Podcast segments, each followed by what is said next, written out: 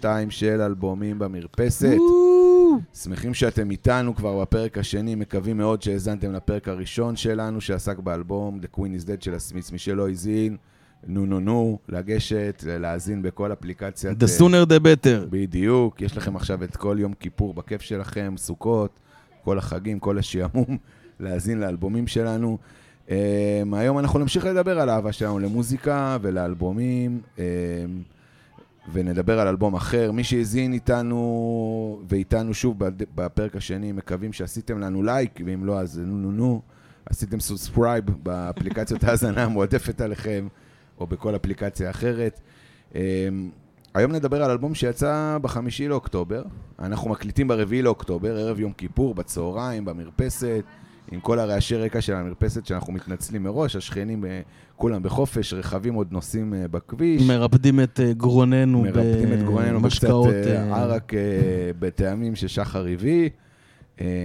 כן, כן, אז נדבר על אלבום שיצא בחמישי לאוקטובר 1992. לא יאומן שעברו כבר 30 שנה מאז, זה מטורף. אני הייתי נער בן 13, בדיוק למדתי לבר מצווה, חודש לפני הבר מצווה שלי. שחר יפה, שאיתנו כבר בפרק השני, היה ביצית נחמדה בגודל אפון בבטן של אימא שלו, בדיוק הוא, אה, הוא כבר נעשה, כבר הוא היה בתנור, בושל בתנור. וטל בנדל, הגבר הכי נאה שישב פה אה, מאז מורחו כפרה עליו, אה, היה בגן חובה, בדיוק משך לאיזה ילדה קטנה בצמות, התחיל איתה פרפלט כמו שרק הוא יודע. לא שחררה לי בסוף, שתדע. לא שחררה. אז אנחנו, מי שלא יודע ועשה כבר גוגל לבדוק איזה אלבום יצא בחמישי לאוקטובר 92, אנחנו נדבר על האלבום השביעי של להקת R.E.M, שנקרא אוטומטי לאנשים, Automatic for the People. שחר יפה, פרק שני שאתה פה איתנו במרפסת, כבר מי היה מאמין מה, מאיזה ציוץ קטן בטוויטר שאשכרה נקליט וכבר פרק שני. ממש ככה. דבר קצת מה זה Automatic בשבילך.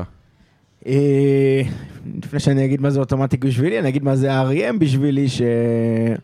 אה, אין לי פה איזה סיפור קורע לב על זה שהם פגשו אותי באיזה נקודה בחיים וזה, אני פשוט אגיד בכנות ש-R.E.M בשבילי זה, כמו אני מאמין, הרבה מהמאזינים שלנו אגב, זה להקה שאנשים שמעו את Losing My Religion בשלב כזה או אחר של החיים שלהם. אמרו, וואי, איזה שיר מגניב, איזה יופי, ש... זמזמו אותו, זה שיר מאוד מאוד מוכר, מאוד מאוד מיינסטרימי. ואז אני קצת קראתי יותר על הלהקה. אה, שמעתי, התחלתי לשמוע דברים שלהם, וככה מאוד מאוד התחברתי ל-R.E.M. אמ, והלהקה הזאת, אתה יודע, זה... אמנם אה, ברוב הפעמים זה מוזיקה קלילה וכיפית כזאת שאפשר לשמוע, אבל האלבום שאנחנו מדברים עליו היום, ה-Automatic for the People, זה אלבום אה, שהוא מסמל משהו אחר, יש בו הרבה תתי מסרים כאלה שמסתתרים, ו... ובעיקר האווירה הקודרת שלו. אמ, אז, אז אי אפשר לשקר, זה לפעמים אה, בא ממש טוב באירועים כאלו ואחרים בחיים. אמ, ואני מאוד אוהב אותם, גם, אני מאוד שמח שאנחנו עושים את הפרק הזה עליהם. טל בנדל, אה, אגדת אה, פנימית איכילוב, אגדת פנטזי, אה, בא לפה אורח לרגע שרואה כל פגע, אבל נראה לי שאתה עוד תישאר איתנו לאורך תקופה. מה זה אוטומטיק בשבילך? קודם כל, תודה על ההזמנה, כיף גדול להיות פה. האמת שאם יש משהו שאני אוהב לעשות, אה, זה לדבר על כדורגל ומוזיקה. בטח אם יש אנשים אה, שמוכנים להאזין למה שיש לי להגיד, ובטח אם יש אה, דברים לשתות תוך כדי, אז אין אווירה טובה מזה. אז תודה רבה על ההזמנה, בטח אנחנו יהיה עוד הרבה שיתופי פעולה ככה, ואני מקווה להגיע לפה עוד הרבה. את R.E.M אני מכיר האמת בדרך קצת הכלכלה. אני מכיר אותם בשנת 2001. אני ילד בן 13 באותה תקופה, מאזין ל-MTV 2. אה, או רואה MTV 2, מי שלא זוכר, אז מדובר בערוץ אה, הרוק של MTV, אה, קצת פחות מיינסטרימי ויותר רוק, ופתאום אני רואה את השיר של R.E.M. Imitation of Life, יצא בשנת 2001, רימייק, משיר שנקרא באותו שם שיוצא ב-1952. מייקל סטייפ מדליק אותי, הקליפ נראה מגניב לגמרי, שיר מקפיץ, שיר נחמד, אני מבסוט רצח, ואני שואל את אבא שלי, אבא, תגיד, מי אלו. ואבא שלי, שוואלה, כל החינוך המוזיקלי שלי אה, קיבלתי ממנו, אה, וכל ההתוויה אה, למוזיקה שאני שומע היום וששמעתי בעבר מגיע ממנו, אומר לי, אני אדאג לך. יומיים אחרי זה קונה לי את Automatic for the People של R.E.M, אנחנו מדברים על שנת 2001, אני ילד בן 13, והשיר הראשון שתופס אותי, כי הוא מוכר ואני כבר שמעתי אותו בעבר, הוא Everybody Hurts. ואני שומע את השיר הזה, ואני טינאייג'ר, ואני בבית ספר, ואני אומר, everybody hurts, זה כל כך נוגע אליי, אבל אתה מדבר על כולם. ומה איתי? מה איתי? אז מה אם לכולם כואב? מה איתי? אני בבית ספר ואני טינאייג'ר והמורות מעיפות אותי מהשיעורים והבנות לא רוצות אה, לשמוע מה שיש להגיד ואף אחד לא מתייחסת אליי, אבל אתה מדבר על כולם, everybody hurts, אבל מה עם טל? מה איתי? אה, וזה מכניס אותי לאיזשהו אה, טילט כזה של שמיעת R.E.M. אה, ואת האלבום הזה בפרט. אה, אלבום מדהים, אלבום שהוא אבן דרך אה, מבחינתי בכל מה שקשור ל, לתקופת הבגרות שלי. אה, וזהו, ואם יש אלבום שכיף לדבר עליו, אה, של R.E.M. זה האלבום הזה, ו-let's go! אה, אז אני אגיד שאני... אני לא סבלתי את אריה בהתחלה. אנחנו מדבר איתכם על אה, שנת 91, אני נער צעיר, בדיוק מגלה את אה, עולם המוזיקה, את עולם הדיסקים, אז בדיוק התחלתי לקנות, ההורים שלי קנו לי מתנה ליום הולדת מערכת קומפקט דיסק, אני יודע שזה היום נשמע... של איווה? אז היה, לא של... איווה, עם כזה. changer של שלושה דיסקים פי, שמתחלפים, שחד וחלילה. לא צריך לקום, אה, לא תצטרך לקום ולהחליף, היא עדיין נמצאת איפשהו בבית של ההורים שלי. גם לי הייתה אחת כזאת, המערכת אגב. הזאת של איווה, נכון, שכחתי את האיווה. ופת- ומערכת הדיסקים שלי, כל הדיסקים המופתיים שיצאו ב-91, שזה Nevermind של נירוונה, אה, user illusion. Use Your Illusion 1 One ו-2 and two, של Guns כן, N' כן. Roses, אה, האלבום השחור של מטאליקה, תן. 10 של פרג'ם, כלומר, אלבומים... איזה שנה. אה, סופר סוניק של סאונד גארדן, כלומר, כל האלבומים האלה שאתה אומר לעצמך, ופתאום אה, השתלטו על הטלוויזיה שלי ועל ה-MTV, ה-Losing My Religion הזה. מגיע הקרח הזה. כן, שזה שיר סבבה, אני לא אגיד, וקליפ מדהים, אבל זה הרגיש לי מיינסטרימי מדי, גם, אני לא יודע אם, את, אתם בטח לא זוכרים כי הייתם ילדים, אבל בחופש הגדול היה תוכנית שנקראה רואים 6-6, בוחרים 6-6, שזה זה שש שעות כזה של הצופים בוחרים אה, עם הטלפונים עוד של הבית, עם הזה, היו בוחרים אה, מה לראות ומה לשמוע, ובין תוכנית לתוכנית שהקהל בחר, הוא גם בחר שירים לשמוע, וכל הזמן בחרו losing my religion, זה היה כאילו כל יום losing my religion, losing my religion, די, כבר יצא מהזה. ובכלל זה היה, הרגיש לי מתקתק כזה, כל מיני שירים כאלה פתאום של השייני האפי פיפול, מה happy, אני הולך, אני מבואס, אני, אני, אני בחטיבת ביניים, כמו שבנדל אמר, אף אחד לא שם עליי, אני קיבלתי גוף שאני לא יודע מה לעשות איתו, ההורמונים, כל השטויות האלה שקורה לך שאתה בן 13 ופתאום יש לך Shiny Happy People, יאללה, תדחפו את ה shiny שלכם, אתם יודעים לאן, אני לא happy ובטח לא אה, זה. אבל, אה, אבל ברגע שיוצא Automatic for the people, ופתאום אה, אתה שומע את Everybody Hurts עם הקליפ המופתי שאנחנו בטוח נדבר עליו, פתאום אתה שומע את האלבום, הוא בא לך בול לתקופת חיים שלך, ואתה מבין כמה האלבום הזה מופתי, ו... ואני ממש שמח שאנחנו מדברים עליו היום בפרספקטיבה של 30 שנה שחלפו מאז, שזה נראה לי הזיה, ממש 30 שנה מאז. תן לנו קצת רקע על R.E.M. אז בואו נדבר קצת על R.E.M, כי בכל זאת מדובר על אלבום שביעי, כלומר זה לא להקה אה, צעירה, היא להקה גם ש... שהוציאה אלבומים במשך 20 שנה. אה, תכף נדבר, אני אשמח שתדברו קצת על הלהקה באופן כללי, אני רק אגיד שהם הם התחילו, הוציאו דיסק ראשון שנקרא מרמר, מרמר, זה אי אפשר להגיד את זה, ב, ב, מי שאין לו מבטא אמריקאי לא יכול להגיד את זה, ב-83, והם היו להקה מאוד איזוטרית, כלומר, אה, השמיעו אותם רק ברדיו שנקרא קולג' רדיו, שזה מין אה, רדיואים כאלה לצעירים, לטינאייג'רים. שומעים את זה בזמן שהם משחקים beer pong. כן, שומעים את זה בזמן שמשחקים beer pong באחווה, בזמן שהם משפילים את ה pledge ים החדשים, כל, הסר... כל הסרטים האמריקאים שראיתם עכשיו עולים לראש, והם לא מצליחים לפרוץ למיינסטרים האמריקאים. הם מוצאים דיסק, אלבום כמעט כל שנה, כלומר ב-84, 85, 86, ואז ב-87 מוצאים את Document, אה, ששם כבר יש להיט שמגיע לרדיו ה-national, כלומר הרדיו הציבורי האמריקאי, שזה אה, The One I Love, שאני יודע שכולם מזמזמים אותו עכשיו, This one goes out. פייר! בדיוק. אה, ושם זה נקודת המפנה בקריירה שלהם, כי היא מחתימה אותם להקת, להקת, אה, חב- חברת התקליטים הכי גדולה באותה תקופה לדעתי, אולי חוץ מגפן, אבל אה, וורנר, חברת וורנר אה, אה, מחתימה אותם, חברה ענקית ששולטת גם ב... ב- בשוק הטלוויזיה, בשוק הסרטים בהוליווד, וגם יש להם חברת תקליטים, אולי באמת חוץ מגפן, החברת תקליטים הכי גדולה של אותה תקופה, הם מוציאים את האלבום גרין ב-88, אה, ששם כבר הם הופכים להצלחה אה, מסחרית, אומנם קטנה יחסית, יוצאים לסיבוב הופעות מאוד ארוך שמתיש את הלהקה אה, במשך שלוש שנים, ותוך כדי סיבוב הלהקות, לתוך סיבוב ההופעות, הם מוצאים את Out of Time, שמתוך זה Losing My Religion ב-91, שהייתה שנה מאוד פוריה של המוזיקה העולמית. אמ, ואז הם עושים משהו שהוא מאוד לא אופייני ללהקה בסדר גודל הזה. הם מחליטים לא לצאת לטור אחרי ההצלחה המטורפת של האלבום. זה מולטי פלטינה בארצות הברית, מכירות מטורפות, כסף, אה, כסף על הרצפה, כמו שאנחנו אומרים בפנטזי בנדל. אה, והם מחליטים לא לצאת לסיבוב הופעות. מייקל סטייפ מספר על זה שהוא מותש, כאילו, הוא גם נראה רע, הוא נורא רזה, הוא קרח, כבר מתחילים שמועות על, אה, על זה שהוא חולה איידס, מה שלא נכון, אבל זה ממש שמועה ככה, גם תקופה שבטח תכף שחר ידבר בארצות הברית על כל מה שקורה עם האיידס. גם, זה גם נקודה לציין את זה שההחלטה הזאת היא לא לצאת ל tour, זה עוד איזה אחד, אחד uh, הביטויים לזה שהלהקה הזאת בהרבה מקרים בחרה לא להתנהל בדיוק כמו הרבה להקות אחרות שאנחנו מכירים. Uh, לא לצאת לטור אחרי באמת הצלחה מאוד גדולה, שזה כסף על הרצפה. Uh, העובדה שעל כל השירים שלהם חתומים כיוצרי השיר כל חברי הלהקה, ולא משנה מי כתב, מי הלחין, מי הקליט, מי שר, מי בא, מי הלך. וזה גם מאוד מאוד לא אופייני, בטח לא בעולם כזה של... תככים ומזימות בין חברי להקות כאלו ואחרות, שיש להקות שגם אפילו על זה התפרקו. אה, וזה גם רואים את זה מעבר למוזיקה שלהם, רואים את זה שגם בהתנהלות שלהם הם לא היו בדיוק אה, אה, כמו כולם, שזה שוב נקודה לזכותם. כן, זה, זה מדהים שהם כולם חתומים על זה, כי זה לא באמת קורה. כלומר, את כל המילים כותב מייקל סטייפ.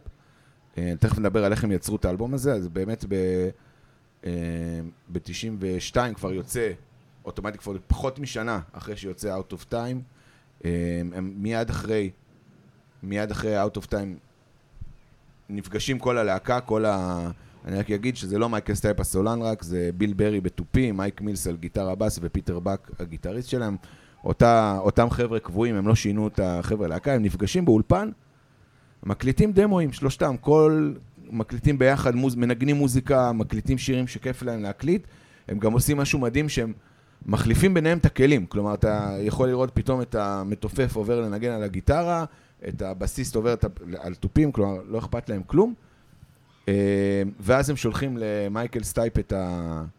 את הדמואים, והוא שוזר את המילים הנהדרות שלו לתוך ה... עושה את מה שהוא יודע לעשות. הוא עושה, עושה בדיוק את מה שהוא יודע לעשות, slash משורר, slash כותב מילים, מדהים.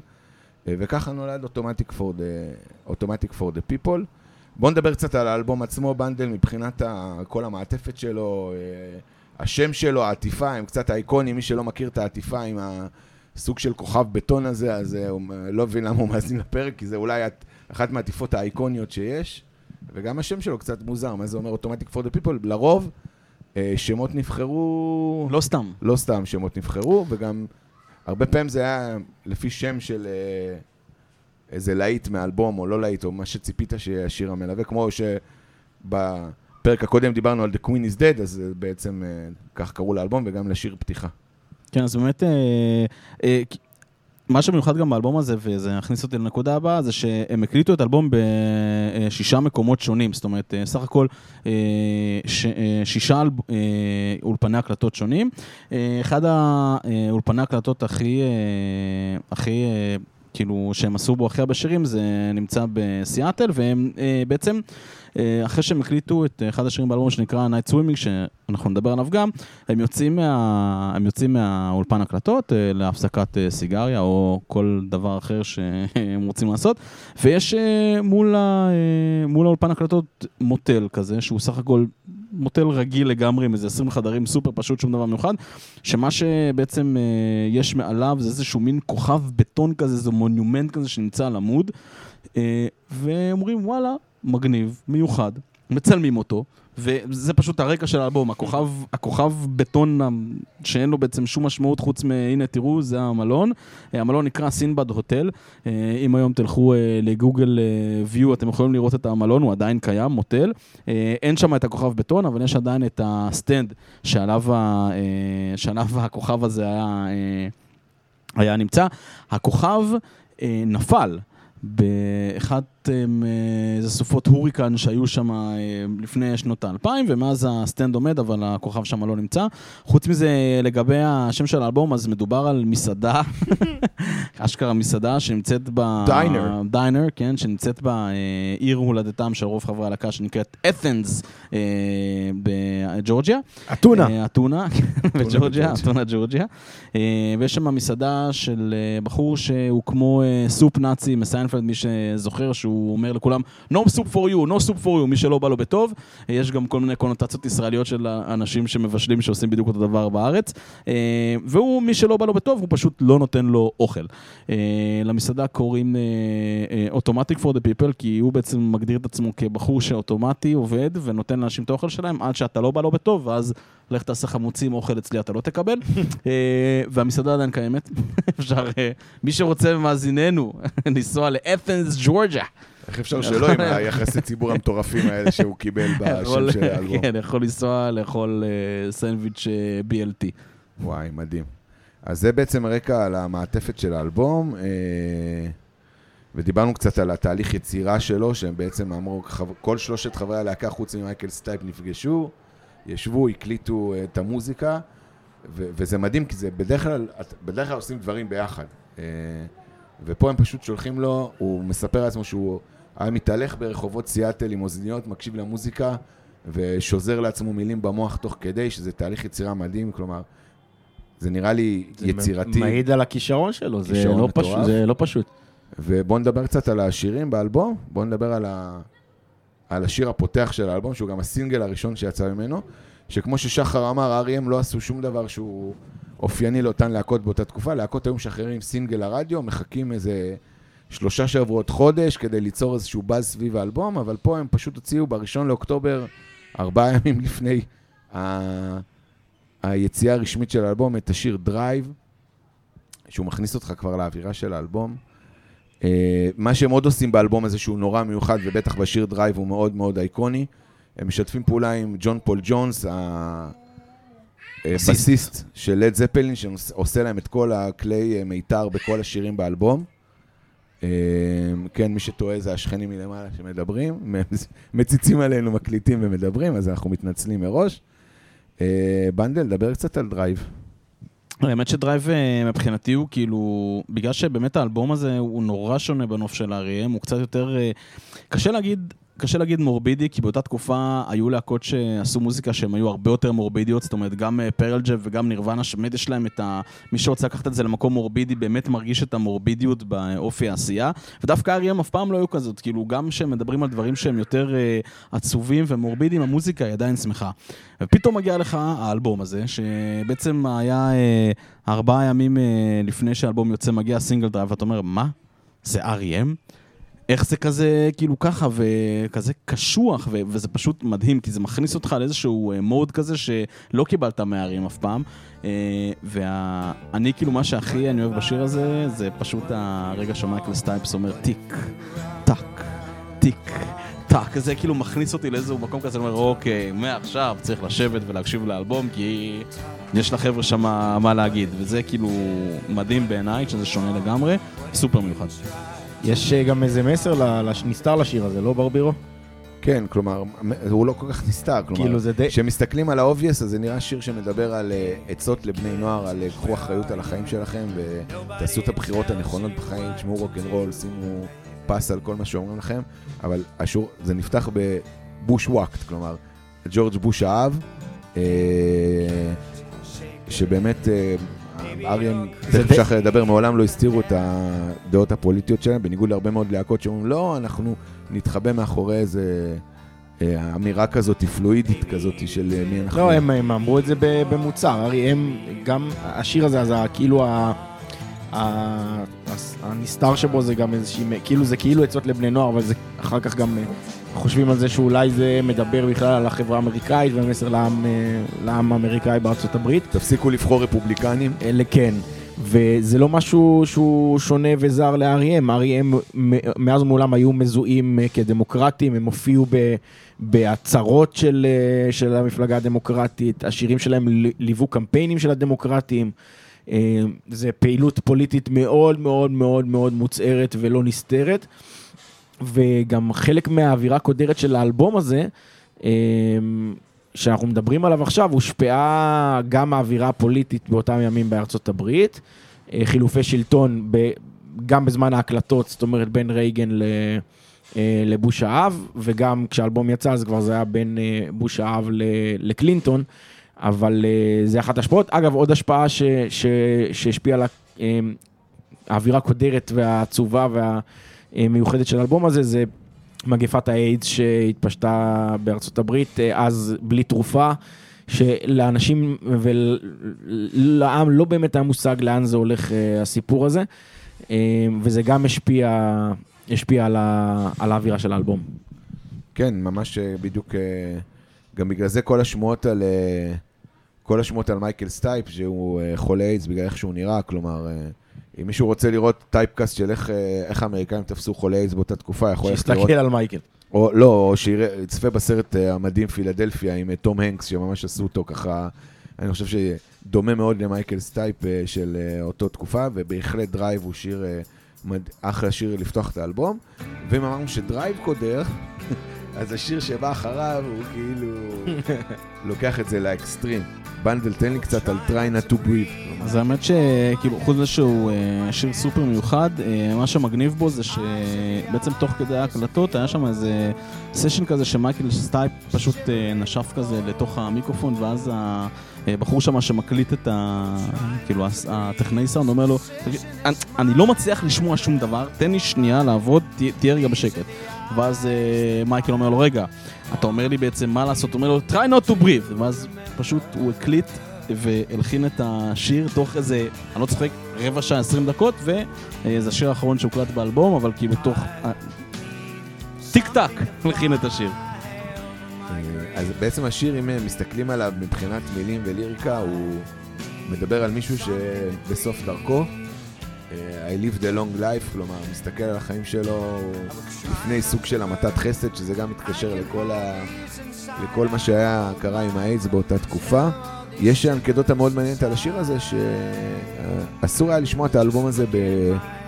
אה, במוסדות לבריאות נפש אה, בארצות הברית, כדי לא לעודד אנשים בעצם אה, להתאבד.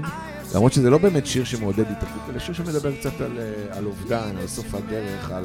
על לחיות את החיים אחרת, אה, אבל הוא נלקח למקומות המאוד מאוד אה, מדכאים ושמעודדים אה, התאבדות. מה שמוסיף, אני, אני אתייחס פה לאנקדוט על השיר הזה. המיתוס שהתברר אחר כך כנכון, אנחנו מדברים פה על מיתוסים, את האלבום הזה האזין לו קורט קוביין בזמן שהוא התאבד.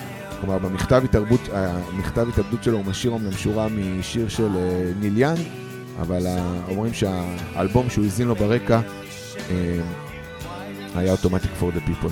שזה לא הרבה זמן אחרי שמייקל סטייפ ניסה להציל את, כל, את קורט קוביין ב, בהצעות כאלו ואחרות לשיתוף פעולה מוזיקלי. אה, הוא, הוא ממש, מייקל אמר שדרך זה הוא ניסה להציל, להציל את, אה, את קורט מהסמים ומהדיכאון ולמנוע את הדרך שהיה ברור לכולם שקורט הולך בה. אמ, וזה לא עבד, הוא איחר את המועד, אבל זה ממש משהו שמייקל מדבר עליו לא מעט, שהוא ממש, זו הייתה אחת המטרות שלו אז באותם ימים, והוא לא הצליח בזה. הם היו חברים טובים. הם היו חברים טובים, הם היו חברים טובים, מייקל סטייפ וקורט קוביין, אה, וזה באמת הלך לכיוון לא נכון. ואני לא יודע, כשאתה שומע את האלבום הזה בתור אלבום, אז זה מתחיל לך קודר עם Drive, מתחיל לך אולטרה קודר עם Try Not אה, to Breathe, ואז מופיע שיר שהוא כאילו לא קשור לאלבום בכלל, כאילו הוא נלקח מ-out of time. של The Sidewinder Sleeps Tonight. מכוון לגמרי, אגב, לפי מייקל סטייפ. מכוון לגמרי. אה, מייקל אמר אה, שהם הכניסו אותו, זה ציטוט, הם הכניסו אותו כדי להקליל את האווירה הקודרת של האלבום, זה ממש לפי הדברים שלו, והוא גם כל פעם אומר שהוא היום, בדיעבד, לא היה מכניס אותו, שאז באותם ימים זה היה נראה שזה אנקדוטה כזאת, זה איזה, איזה בוא נעשה צחוקים כזה. בהשראה משיר ב-The Lion Sleeps Tonight, שזה כאילו שיר מצחיק לגמרי. היום הוא היה אומר שהוא לא היה מכניס אותו ל... לאלבום, למרות שכל פעם אחרי שהוא שומע אותו, הוא מזמזם אותו ארבעה ימים. זה מייקל אמר, שגם היום, עד היום, כל פעם שהוא שומע את השיר הזה, הוא, הוא, הוא מזמזם אותו ארבעה ימים.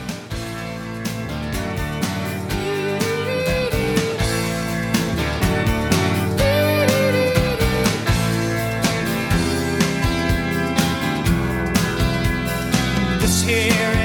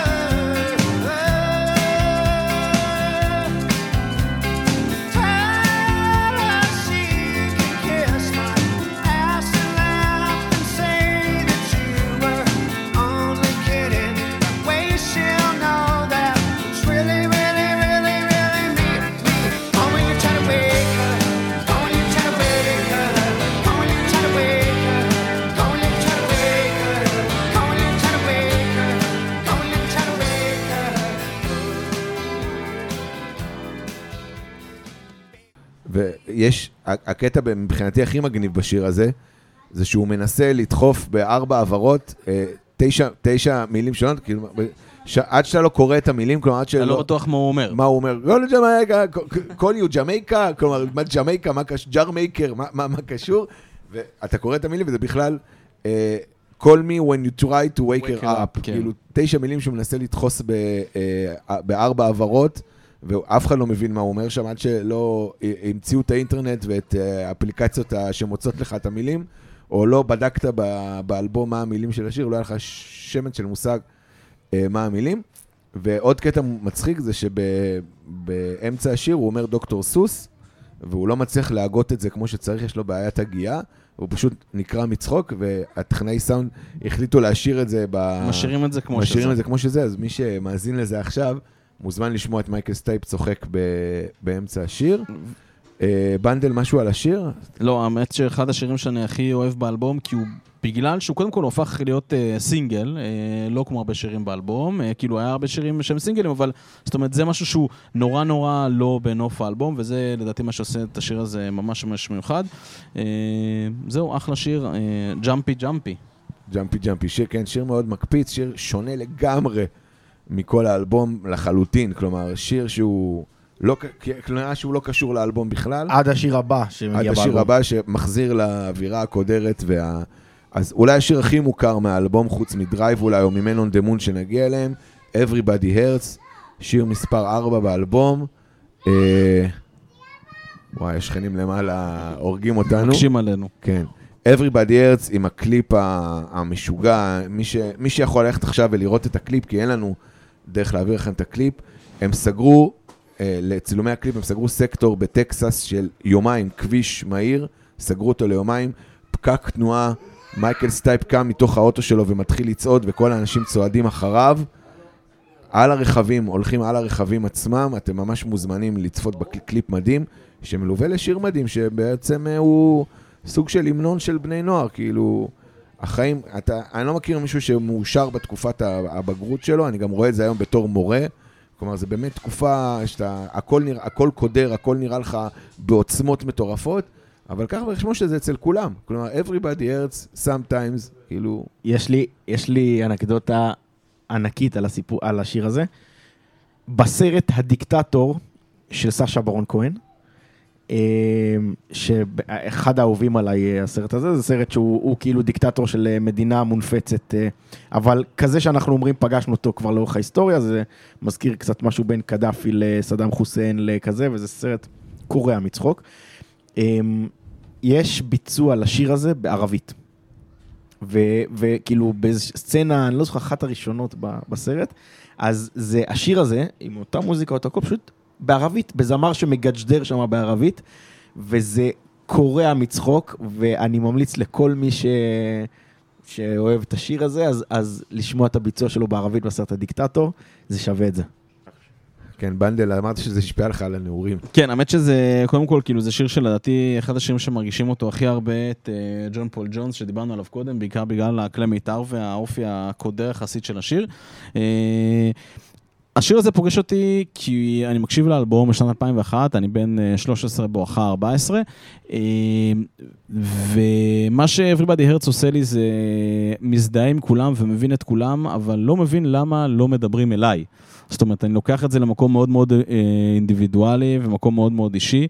אה, זה נשמע מדהים, זאת אומרת, אני מאוד מתחבר לשיר הזה, גם לכל המילים שלו, אה, ופשוט כאילו, הוא, כמו, אני מאמין שהרבה יסכימו איתי, אבל פשוט ה masterpiece של האלבום אה, לדעתי.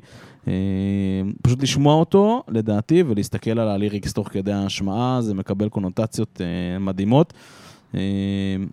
ואת המילים גם, כאילו, מי שבעיקר כתב תכלס זה מייקל סטייפ, למרות שכולם חתומים על זה, אבל זה בעיקר שיר ש... שלו. כן. נכון, זה שיר גם שהפך להצלחה, הצלחה מטורפת, כי הוא באמת נהיה סוג של המנון לבני נוער ולתקופה הנוראית הזאת אה, שכולנו כולנו חווים.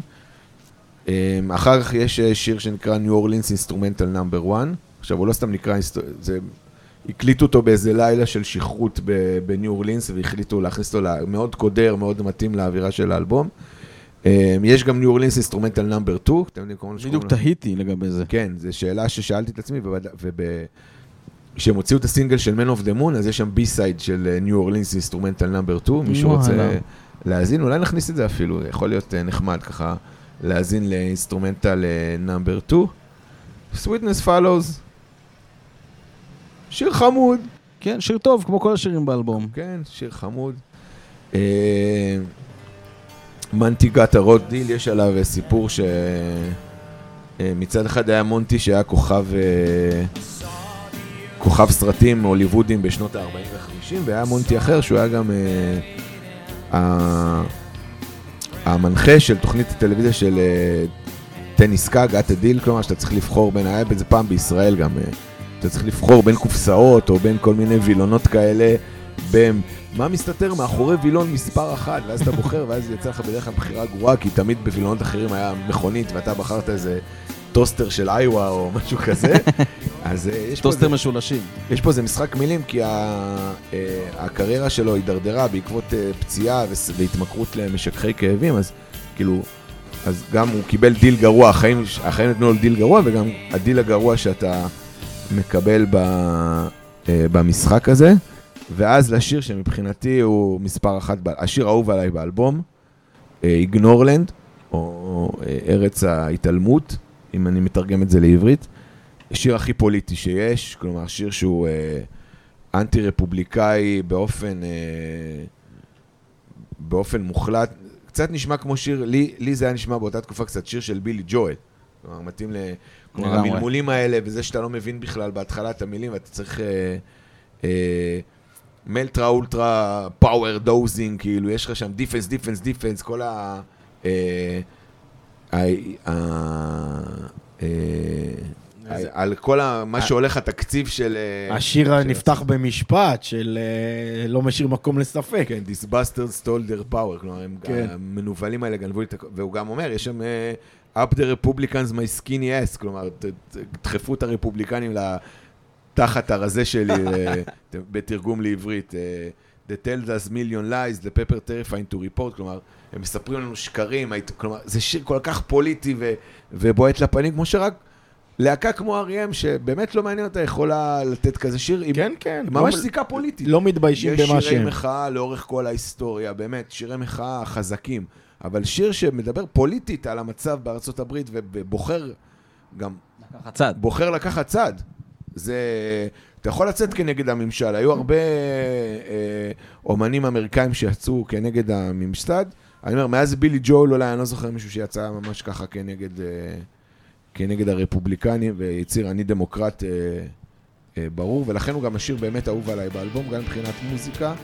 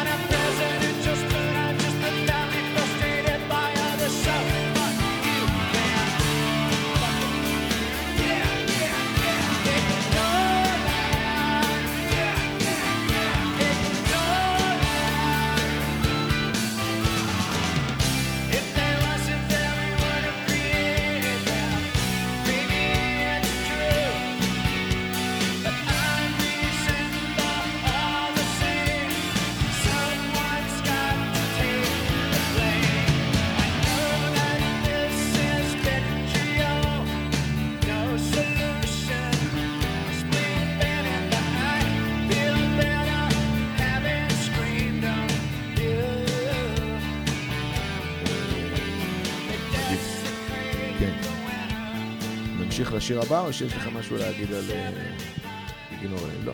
סטאר מקיטן, שזה השיר הבא, שאני חייב, יש פה אנקדוטה אה, מעניינת. גו גו גו. אה, הקליט אותו בסיאטל, כמו- חלק מהשירים שאתה סיפרת עליו באותו אולפן, איפה שהכוכב הענק אה, היה סינבד בסינבד הוטל. סינבד הוטל. ובאה לבקר אותם שחקנית קולנוע שהייתה אז מוכרת, אה, קראו לה מג ריין.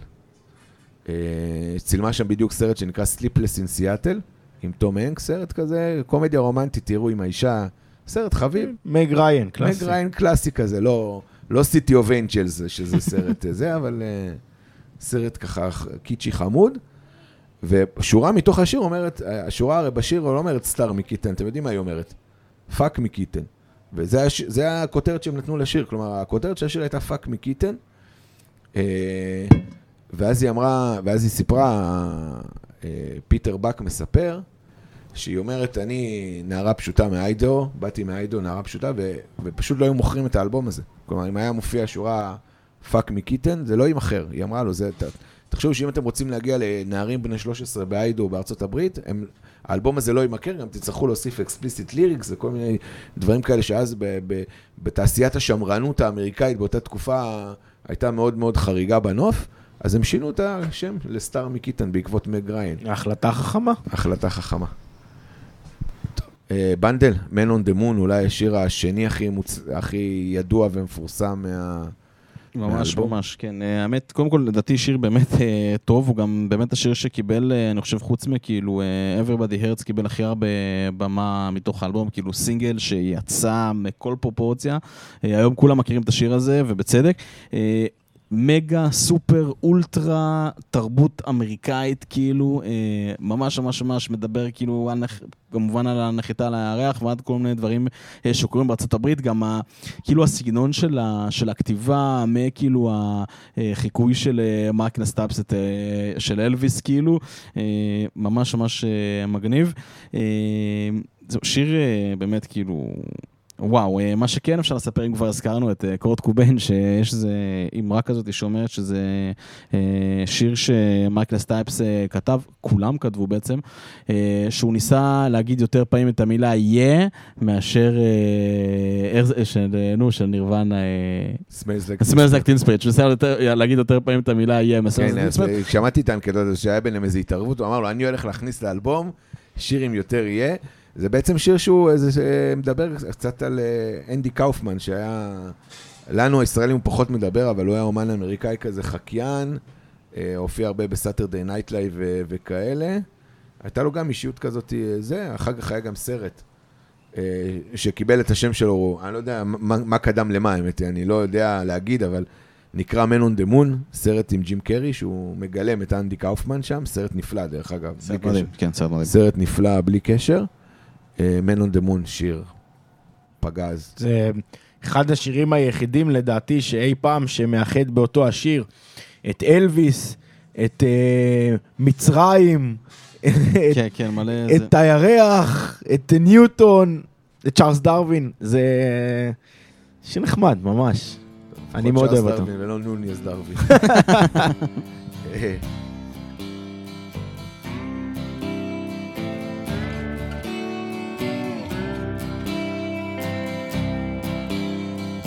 In the game of life. Yeah, yeah, yeah, yeah. Andy Kaufman in the wrestling match. Yeah, yeah, yeah, yeah. Monopoly 21, checkers and chess. Yeah, yeah, yeah, yeah. Mr. Fred Lassie in a breakfast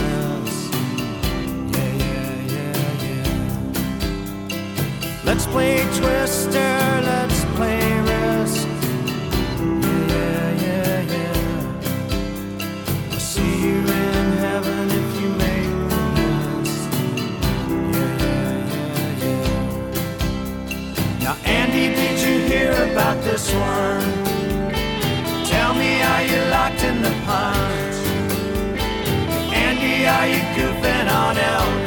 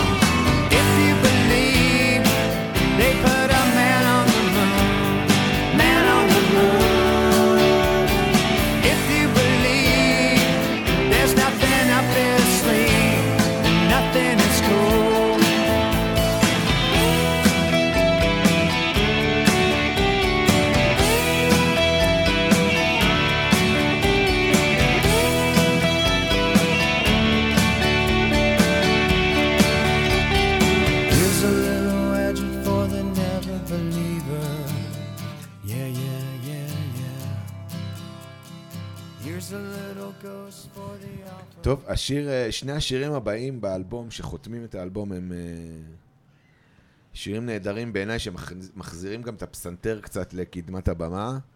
Night Swimming זה שיר, וואו, וואו. אהוב עליי מהאלבום. כן? כן, עליי כן. תגיד, דבר, תגיד למה. אה, שתף אותנו.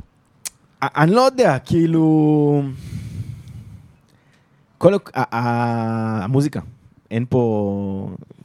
זה לדעתי אחד השירים ש... באלבום שהכי מצליחים דרך המוזיקה להעביר לך את הסיטואציה, את האווירה. כל האלבום הזה הוא באווירה הזאת, חוץ מהיציאה הזאת של... ש... עם החיקוי ל-Lion Sleeps Tonight. אמ, אבל זה, אתה שומע את השיר הזה, אתה בעיניי מקבל בדיוק את מה שמי שכתב אותו והלחין אותו רצה שתקבל, ואני הרבה פעמים מסיים לשמוע אותו ושם אותו עוד פעם. כאילו, זה שיר כזה שלפחות אני, אני יכול לשמוע אותו כמה פעמים ברצף, בניגוד להמון שירים אחרים שאני מאוד אוהב, ששמעתי איזה פעם קטע, אחת. אתמול בדיוק שמעתי את האלבום כדי לרענן את זיכרוני לקראת ההקלטה, ו-Night Swimming החזרתי אחורה. כן, אני, זה, אז קודם אני שמח, זה, זה כיף שעוד מישהו שותף לתחושה, לתחושה הזאת, אבל זה, זה פשוט השיר האהוב עליי מהאלבום, ואני אני גם חושב שזו החלטה חמה לשים אותו ככה לקראת הסוף. ו... נגיד ש-Night Swimming, קודם כל, מה שמיוחד בו זה שהוא השיר היחיד שנכתבו המילים לפני המנגינה של R.E.M. השיר היחיד שהמילים נכתבו לפני שהייתה מנגינה. מה שעוד מגניב בו, זה, זה, זה מטורף, זה מטורף, כאילו כן, זה... זה פשוט מטורף, זה כאילו לא, זה לא ככה עושים מוזיקה. זאת אומרת, כאילו, כן. על פניו, אבל כאילו, ממש. הכל עובד כל כך טוב, וזה- מי אנחנו שנבוא אליהם זה לא, בטענות? אבל זה, כאילו. זה פתאום אני מבין ש, שלמה, בלי לדעת את זה, כאילו היה נשמע לי בצורה כזו או אחרת קצת שונה מאחרים שלהם. וזה כאילו, עכשיו שאתה אומר את זה, אז זה ממש מתיישב לי טוב. מה שמגניב עוד בשיר הזה זה שבעצם אה, מיילס הקליט את השיר אה, באולפני אה, קרטיריה במיאמי, על הפסנתר כמובן, שהפסנתר לא עבר כיוון, ומי שהקליט על אותו פסנתר יומיים לפני זה אה, דרק אנד הדומינוז ביחד עם אריק קלפטון את השיר לילה, ומי שיש לו שמיעה טובה יכול לשמוע שזה באמת בדיוק אותו פסנתר, זאת אומרת מכוון על אותם טונים, התווים שונים, אבל זה פשוט כאילו... אני נגיד בשנייה שמעתי את השיר בלי לדעת את העובדה הזאת, אמרתי כאילו וואי זה נשמע כל כך דומה למשהו שאני מכיר, אז הצלילים לא אותו דבר, אבל הטונים, אה, הטונים דומים. אה, וואלה, סיפור מגניב לגמרי, אה, כל הקטע בסוף של לילה הוא קטע מדהים, אה, והלוואי שיצא לנו לדבר גם עליו, אבל כאילו החיבור אה, בין השירים ובין הלהקות הוא מטורף. מדהים, מדהים. זה אנקדוטה שלא ידעתי.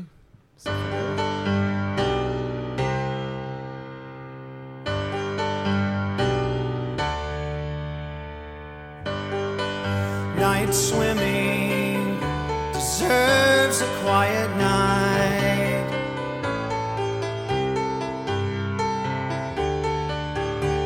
The photograph on the dashboard, taken years ago, turned around backwards so the windshield shows. Every street light reveals a picture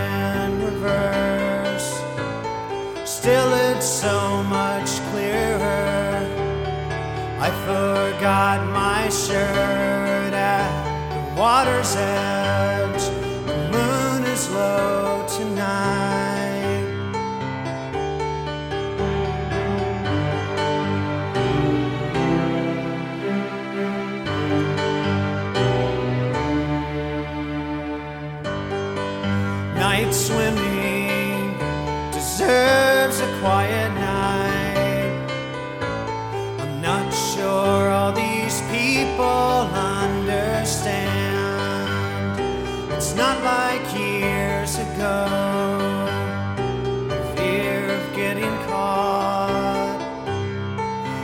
A recklessness in water. They cannot see me naked.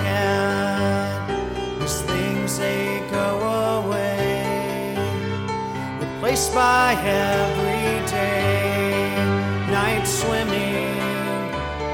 Remembering that night, September's coming soon.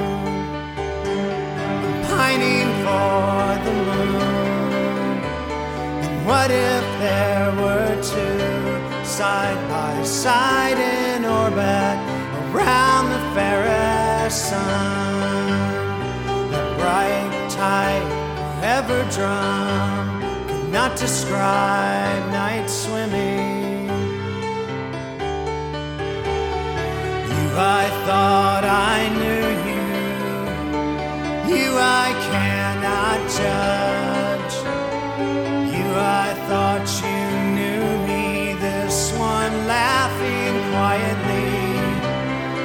Underneath my breath. Night swimming.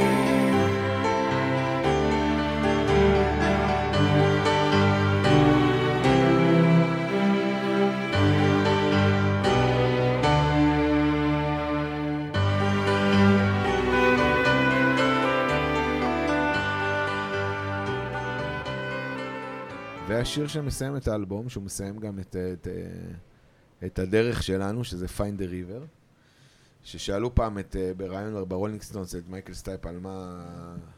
הוא אומר, כמו כל האלבום, הוא על מוות. כלומר, אה, כמו כל האלבום. לא, כלומר, find the, river, הכוונה של למצוא את הדרך שלך בנהר, שהנהר בסוף מוביל אל הים, שזה בעצם המוות שלך, אבל הנסיעה עצמה היא מה שחשוב. כלומר, אופטימי משהו. כולנו נמות, הרי כולנו יודעים שבסוף כולנו נמות, אבל הדרך שלך, והפיינד, למצוא את הנהר שלך בדרך אל, ה, אל אותו ים שזה מסמן את הסוף שלך, זה מה שחשוב, וזה גם מסיים את ה... אני לא סתם נבחר כדי לסיים את האלבום.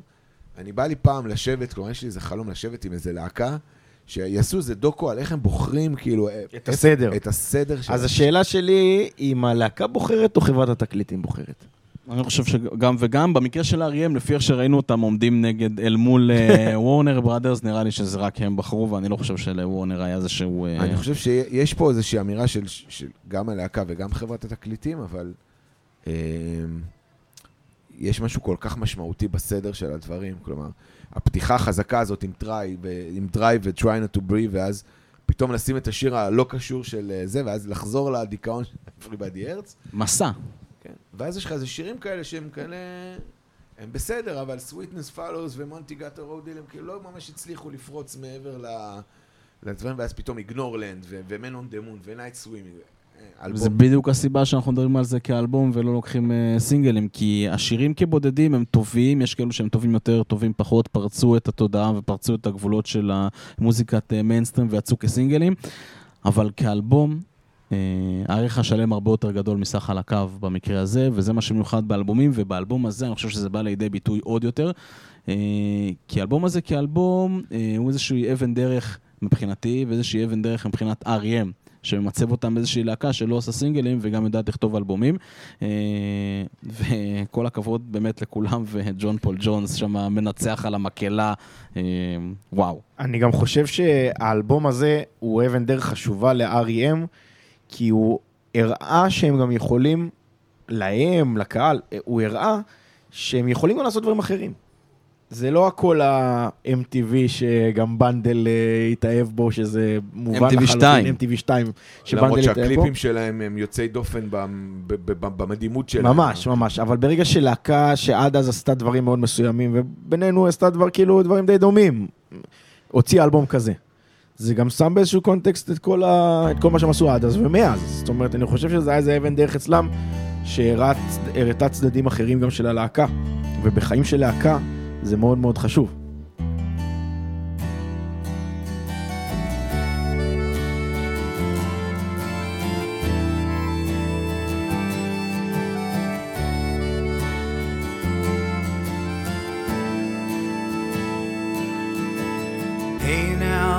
Speedy head.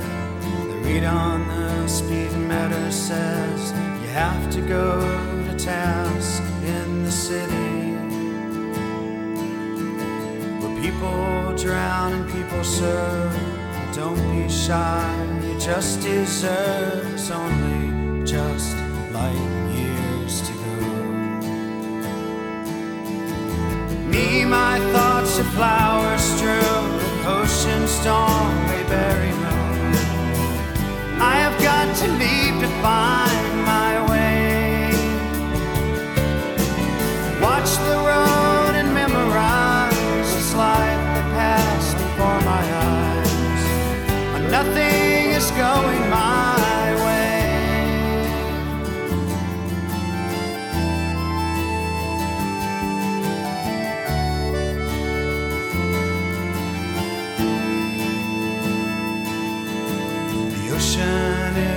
rivers we need to leave. The water knows we're closer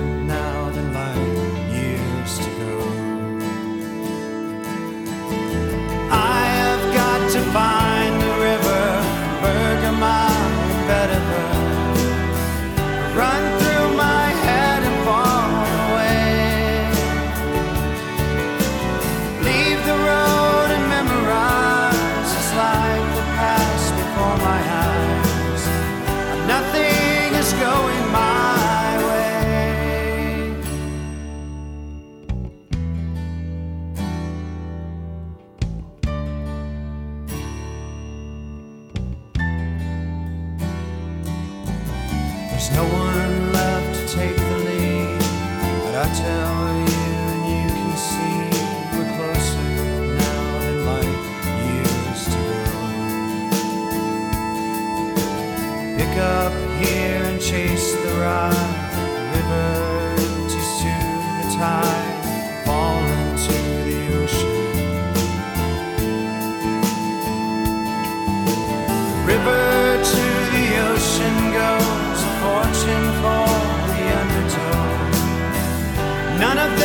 going by.